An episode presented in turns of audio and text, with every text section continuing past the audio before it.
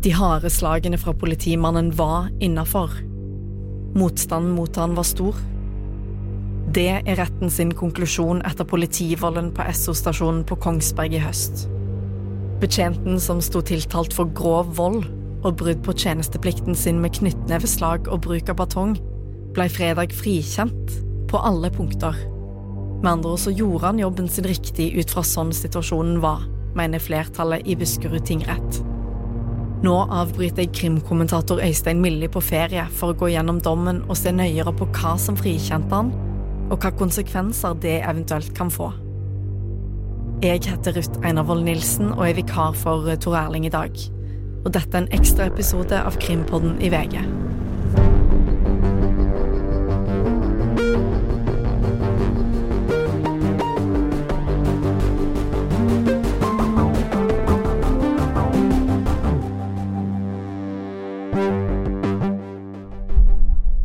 Øystein Milli, når du sitter med dommen foran deg her nå, hvilke tanker er det du gjør deg om eh, utfallet? Nei, nå har vi fått enda en vurdering eh, av denne saken, som jo eh, Jeg vil si at det var overraskende, fordi at sånn rent statistisk sett så blir jo de fleste som blir tiltalt, de blir dømt. Her var det en spesiell sak, og det øker kanskje sjansen for at Eh, det er mer åpent eh, om det blir en dom eller en frifinnelse enn i en del andre saker. Og når jeg var i, i retten i Kongsberg også, som vi snakka om eh, fra de episodene vi lagde der, så, så, er dette en komplisert sak. Og det er en sak hvor jeg skjønte at det var, kunne være ulike vurderinger. Og det handler om at det er veldig øye som, opp til øyet som ser her. Det er en kaotisk situasjon på en Esso-stasjon, og det spørs altså hvilken side du faller ned på her, eh, frifinnelse eller dom, tror jeg handler mye om hvor mye vekt du legger på de forskjellige elementene. Og hvis du da legger eh, eh, ja, sånn som flertallet har gjort, da, vekt på at det var nødvendig, og, men også under tvil, som flertallet sier, å bruke såpass mye makt, og at rommet politiet må ha, må være såpass stort, så kan man falle ned på en frifinnelse. Mens en meddommer ville jo dømme, og det oppsummerer jo egentlig Ruth, tenker jeg, hvor komplisert denne saken er for både retten, men også faktisk for påtalemyndigheten. For som vi jo har vært inne på før, så er det jo ikke sånn at påtalemyndigheten heller er en, en uh, vurdering av denne saken. Det er jo uh, sånn at møtende aktor først uh, vurderte saken og ville ha en, en, et, en bot. så var det sjefen for Spesialenheten, Terje Nybø. Han mente det var en kroppskrenkelse. og så klagde bistandsadvokat Morten Kjensli tiltalebeslutningen inn til Riksadvokaten, som jo eh, mente at det var en grov kroppskrenkelse, og som eh, da eh, sørga for at det ble den endelige ordlyden i tiltalebeslutningen. Så jeg tenker at det som har skjedd i dag, eh, en frifinnelse under dissens, tenker jeg oppsummerer enda mer hvor eh, krevende denne saken her helt åpenbart er for både for så vidt påtalemyndigheten, men også da særlig rettssystemet. Og når vi spiller inn eh, denne episoden, så er klokka litt før tre fredag ettermiddag, og da har ennå ikke aktor tatt stilling til om dommen blir eh, anka eller eh, ikke. Men ut fra det du beskriver nå, Øystein, hva sjanser tror du en eventuell anke kan ha i, i lagmannsretten, da? Altså, er det muligheter for, for en ny konklusjon? Ja, jeg tror, jeg tror, denne saken kommer til lagmannsretten. og Jeg tror det er flere grunner til at påtalemyndigheten kan komme til å, eller kommer til å anke. Det ene er at man uh, er uenig i bevisvurderinga i den spesifikke saken. Riksadvokaten har, som jeg var inne på, vært den som har satt i praksis fingeravtrykket sitt på tiltalebeslutningen. Uh, og jeg tror ikke man uh, i en så spesiell sak, som også kan sies å ha noen prinsipielle sider, som også kan komme til å blir brukt, i hvert fall til en viss grad, til å trekke noen retningslinjer, legge noen rammer med tanke på uh, politiets uh, adgang og, til å bruke makt, og uh, hvilke situasjoner man kan gjøre sånn, og hvilke situasjoner man kan gjøre sånn.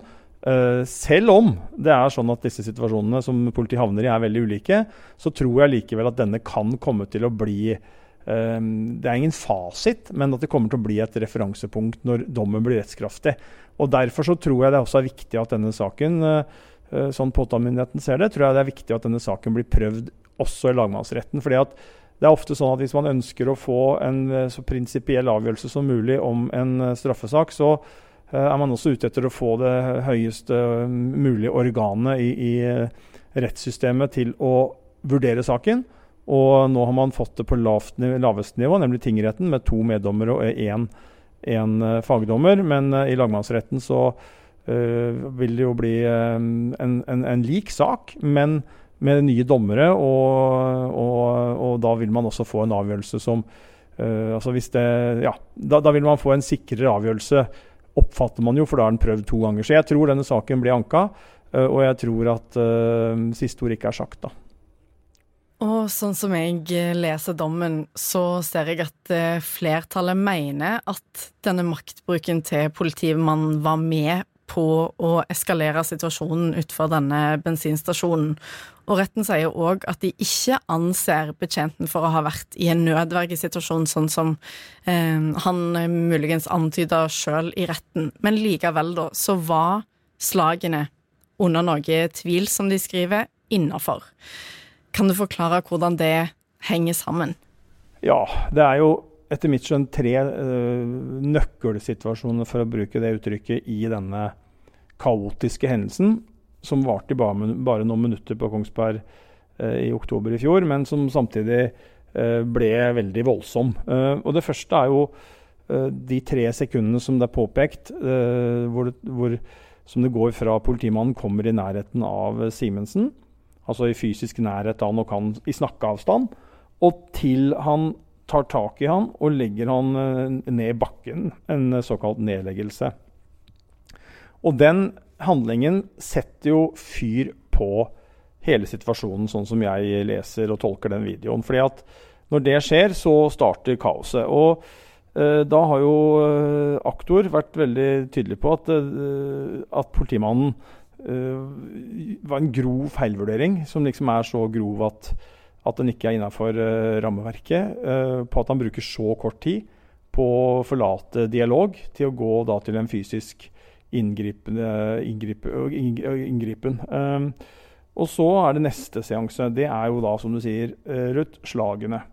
og der er det jo igjen, og det gjelder jo hele den saken her, at det viser jo med all tydelighet at her er det øyet som ser. Hva man legger vekt på, vil avhenge av hvilke resultat du kommer frem til. Og Uh, Riksadvokaten mener at disse slagene er uh, langt utafor uh, det rammeverket. Det er ikke forholdsmessig. Voldsbruken er for voldsom i forhold til situasjonen, mens retten har under noen tvil kommet til at det ikke er det. og Da vil det jo være typiske vurderinger man gjør da, vil jeg tro er sånn Som kan være ulike. da, er jo Ja, politimannen slo hardt. Hvor rask rekkefølge kom slagene? Vurderte han godt nok mellom de ulike slagene hvilke effekt det hadde? Uh, og Der kan det være at dommeren som da ville dømme, mente at han ikke gjorde det. Uh, og at han uh, slo altså så fort at han ikke rakk å vurdere det. Mens de andre kan da ha tenkt at, at motstanden, som de jo skriver om også i, i, domspremissene, var så sterk, og at situasjonen var så uoversiktlig, og at politiet var såpass nær å miste kontroll at det var innafor å ikke bruke lengre tid, eller kanskje ikke vurdere nesten i det hele tatt. da, hvor, uh, hvordan, disse, på, uh, hvordan, effekt disse slagene hadde. Uh, og så er det jo batongbruken som, som, er det siste punktet, og som, det blir det samme som vurderingene som jeg er inne på den, de slagene. Altså er det, hensikts, er, unnskyld, er det forholdsmessig å bruke den type maktmidler på det tidspunktet? Og er det, er, når du da bruker batongen, er det for voldsomt? Og Um, ja, det, det, det, er en, det, er en, utrolig fascinerende sak, dette her, i den forstand at man har så mange forskjellige vurderinger, og at det er uh, helt åpenbart veldig opp til øyet som ser hva du legger vekt på, uh, og som vil handle om hvilke resultat du kommer frem til. Og Det betyr jo at uh, en lagmannsrettsbehandling blir, blir ekstremt både viktig, men også avgjørende. og Eh, det er veldig åpent da, i forhold til hvordan man eh, kan tenke seg at denne saken ender, eh, tror jeg. Og i dommen så leser jeg, som du er inne på, formuleringer om at eh, handlingen var forsvarlig sett opp mot den massive motstanden som eh, tiltalte eh, beskriver, og at disse slagene ble eh, utført for å få kontroll på situasjonen. Og det som legitimerer denne maktbruken som nå er frifunnet, altså hva slags beviser eller andre momenter er det det bygger på, som til slutt har frifunnet politimannen i dag? Det er jo først og fremst videobildene som jo viser uh, objektivt sett, hvis det går an å bruke det uttrykket, hva som skjer. Uh, og hvis man går inn og ser på de videobildene og prøver å tenke at uh, man skal finne ut av hva som skjedde ved å avhøre de ja, hvor mange om det var seks eller åtte eller ti eller elleve eller tolv som til slutt var mer eller mindre involvert der, det har jeg ikke telt opp, men det var et ganske stort antall personer. Og så hadde man ulike typer roller og ulik type uh, innvirkning i situasjonen. Det var, ja, det var flere som var mer aktive enn andre. Men den ene dommeren mener jo at maktbruken var utafor, uh, og at det ikke var så mye motstand. Uh, han har i hvert fall ikke klart å se det ut fra de bevisene han har vurdert og det han har hørt i retten. og de andre to mener da det motsatte. Og så I tillegg til videoen, bare for å sluttføre det ut, så er det jo også sånn at Politifolkas forklaring er jo også viktig. Og det samme er jo uh, forklaringene fra Kevin Simensen og um, den andre fornærmede, uh, Teigen. Og selvfølgelig de andre vitnene som var på Esso-stasjonen. Men til tross for at da retten har både sett videoen flere ganger, man har, og man har fått med seg Jeg tror man fikk med seg videoen også etter at dom, man trakk seg tilbake for å dømme. Så de har tilgang til den mens de har konferert. og man har hørt alle vitnene så ser vi altså at eh, dommerne er uenige. Én dommer mener at, uh, at politimannen gikk utafor eh, de reglene han skal forholde seg til, mens to dommere mente at han ikke gjorde det. og Er i tvil, sier de også, og viser til at de Jeg leser dommen, altså flertallets avgjørelse, så leser jeg den som at de er, vil være forsiktige med å innskrenke politiets handlingsrom. og Så kan man diskutere om det er en god eller en dårlig vurdering. og det det tror jeg man skal uh, gjøre, og det tror jeg kommer til å skje nå. Jeg tror ikke denne avgjørelsen her er med på å dempe debatten knytta til denne saken. Jeg har sett uh, allerede at noen mediehus har stengt kommentarfelt uh, på Facebook om denne saken. og det tror jeg er et uttrykk for at det er et voldsomt engasjement, et voldsomt engasjement rundt denne saken, og det tror jeg kommer til å fortsette. Og så tenker jeg det kan være greit å legge til at jeg ser at eh, rettens flertall òg har eh, lagt til grunn forklaringen til politimannen sjøl som en del av, av eh, grunnlaget for eh, denne dommen. Men eh, du var jo i retten sjøl, Øystein, forrige uke og eh, hørte forsvarer Jon Christian Elden blant annet trekke fram at Kevin, han ene fornærma, hadde både kniv og batong i lommen da dette skjedde. Og vi kan vel anta at målet med det var å ja, si noe om trusselsituasjonen og kanskje karakterisere han på en eller annen måte. Eh, hvor mye tror du det har hatt å si for utfallet i, i dommen?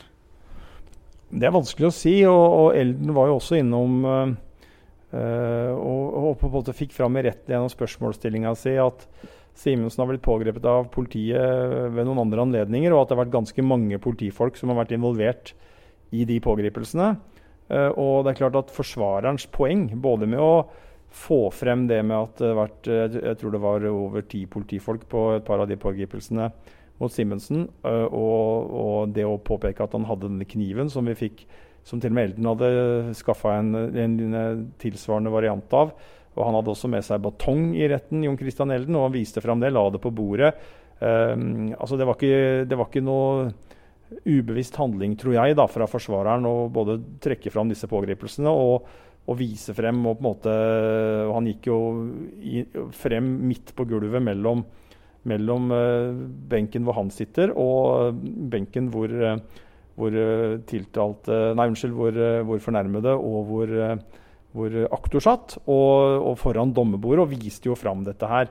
Uh, og det er klart at det er jo bevisst uh, fra Elden, tror jeg, sin side, fordi at han ønsker å vise uh, Han ønsker å legge frem det som han mener kan tjene hans klient. Og da tror jeg han er av den oppfatning at det å vise frem at Simensen hadde med seg disse tingene på byen. At det er viktig for retten å ha det med seg i bakhodet. Men så skal det jo sies, og det er et ganske stort men eh, Denne kniven den var jo aldri fremme i eh, basketaket på, på eh, bensinstasjonen. Batongen den kom frem på et tidspunkt, og så er det uklart hvordan det skjedde. Vi har hørt forklaringer fra politifolk som sier at den plutselig ramla ut på bakken. Og hvor den kom fra, om den kom fra eh, en lomme, eller om den var noe som han hadde inni en erme, eller hva det var, det vet vi ikke. Men den ble heller ikke brukt. Sånn at eh Der er det jo en sånn eh, Ja, en slags motsetning. Og, og, og, ja, men som sagt, jeg tror helt opplagt at Eldens motiv var jo å, å vise frem at at Simensen da gikk på byen med disse to tingene. Og så tenker jeg at han var ute etter at, eh, at, dommerne skulle gjøre seg på en oppfatning om hva det kan bety, og hva man skal tenke rundt det. Og så vet ikke jeg, og jeg har ikke sett det i dommen så langt heller, om det er nevnt på noe vis. Men vi må også huske på det at i en sånn situasjon som dette her, hvor det er påstand mot påstand, og, og man har en så uavklart situasjon, så er jo én ting hva man, eh, hva man skriver i en dom. Noe annet ting er hva en forsvarer eller en aktor uh, får uh, rettens medlemmer til å tenke på og ta med seg uh, i hodet sitt inn i vurderingene. Og så kan det være like viktig og like utslagsgivende hva de har med inn i hodene sine av ulike tanker, oppfatninger, vurderinger og meninger, som det de skriver i selve domspremisset. Så det at om det ikke står i domspremisset noe om de tingene vi har snakka om nå, så kan det godt hende uten at jeg vet det, men det kan godt hende at dette har hatt en eller annen form for innvirkning hos en eller flere av de dommerne som har dømt.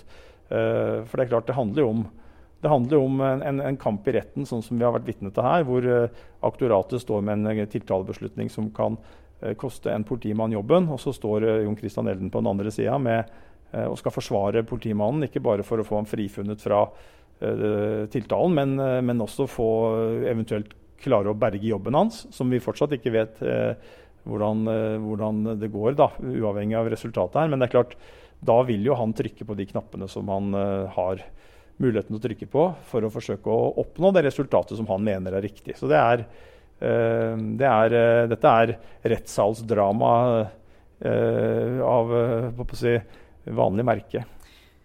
I løpet av denne samtalen Øystein, så har du jo nevnt at i eh, hvert fall hvis saken blir anka for en ny behandling, at eh, utfallet nesten uansett kan få konsekvenser for politiet i praksis. Altså hvor stort er rommet for politiet til å ja, utøve vold eller makt i, i sånne situasjoner som denne her, eksempel. Eh, og så skrev du en kommentar på VG i dag, før dommen falt, hvor du skrev at dette òg kan få konsekvenser for tilliten til politiet. Eh, og nå når eh, den har falt, hva tenker du denne frifinnelsen har å si tillitsmessig? Ja, Det er ikke sikkert at den styrker tilliten til politiet, og det kan hende at den svekker også tilliten til rettssystemet. fordi at Uh, det er sjelden vi får så mange tilbakemeldinger og så mange synspunkter uh, i begge retninger.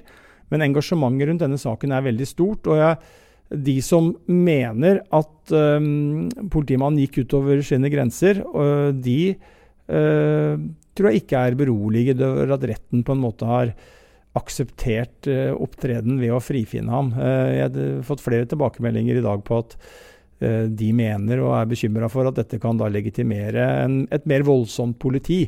Og Dette er en viktig diskusjon, dette er en stor diskusjon.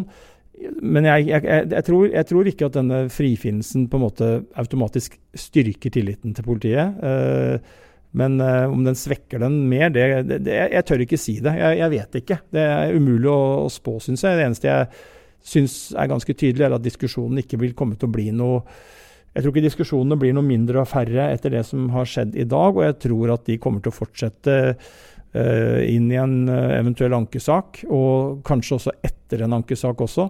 Uh, at det kommer en diskusjon, og at man også ser på det internt i politiet, men også har en åpen debatt om det.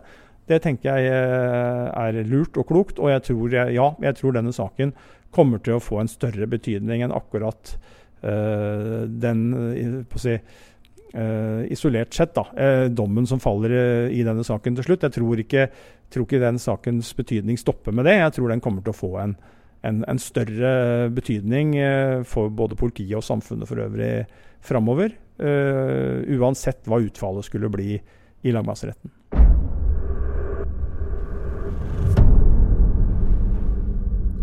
I denne episoden hørte du krimkommentator Øystein Milli. Krimpodden består for øvrig av Tor Erling Tømtrud, Hanna Espevik, produsent Vilde Worren og nyhetssjef Emilie Haltorp. Jeg heter Ruth Einervold Nilsen, og hver torsdag resten av sommeren så får du et gjenhør med episoder vi i Krimpodden syns er verdt å ta en lytt på.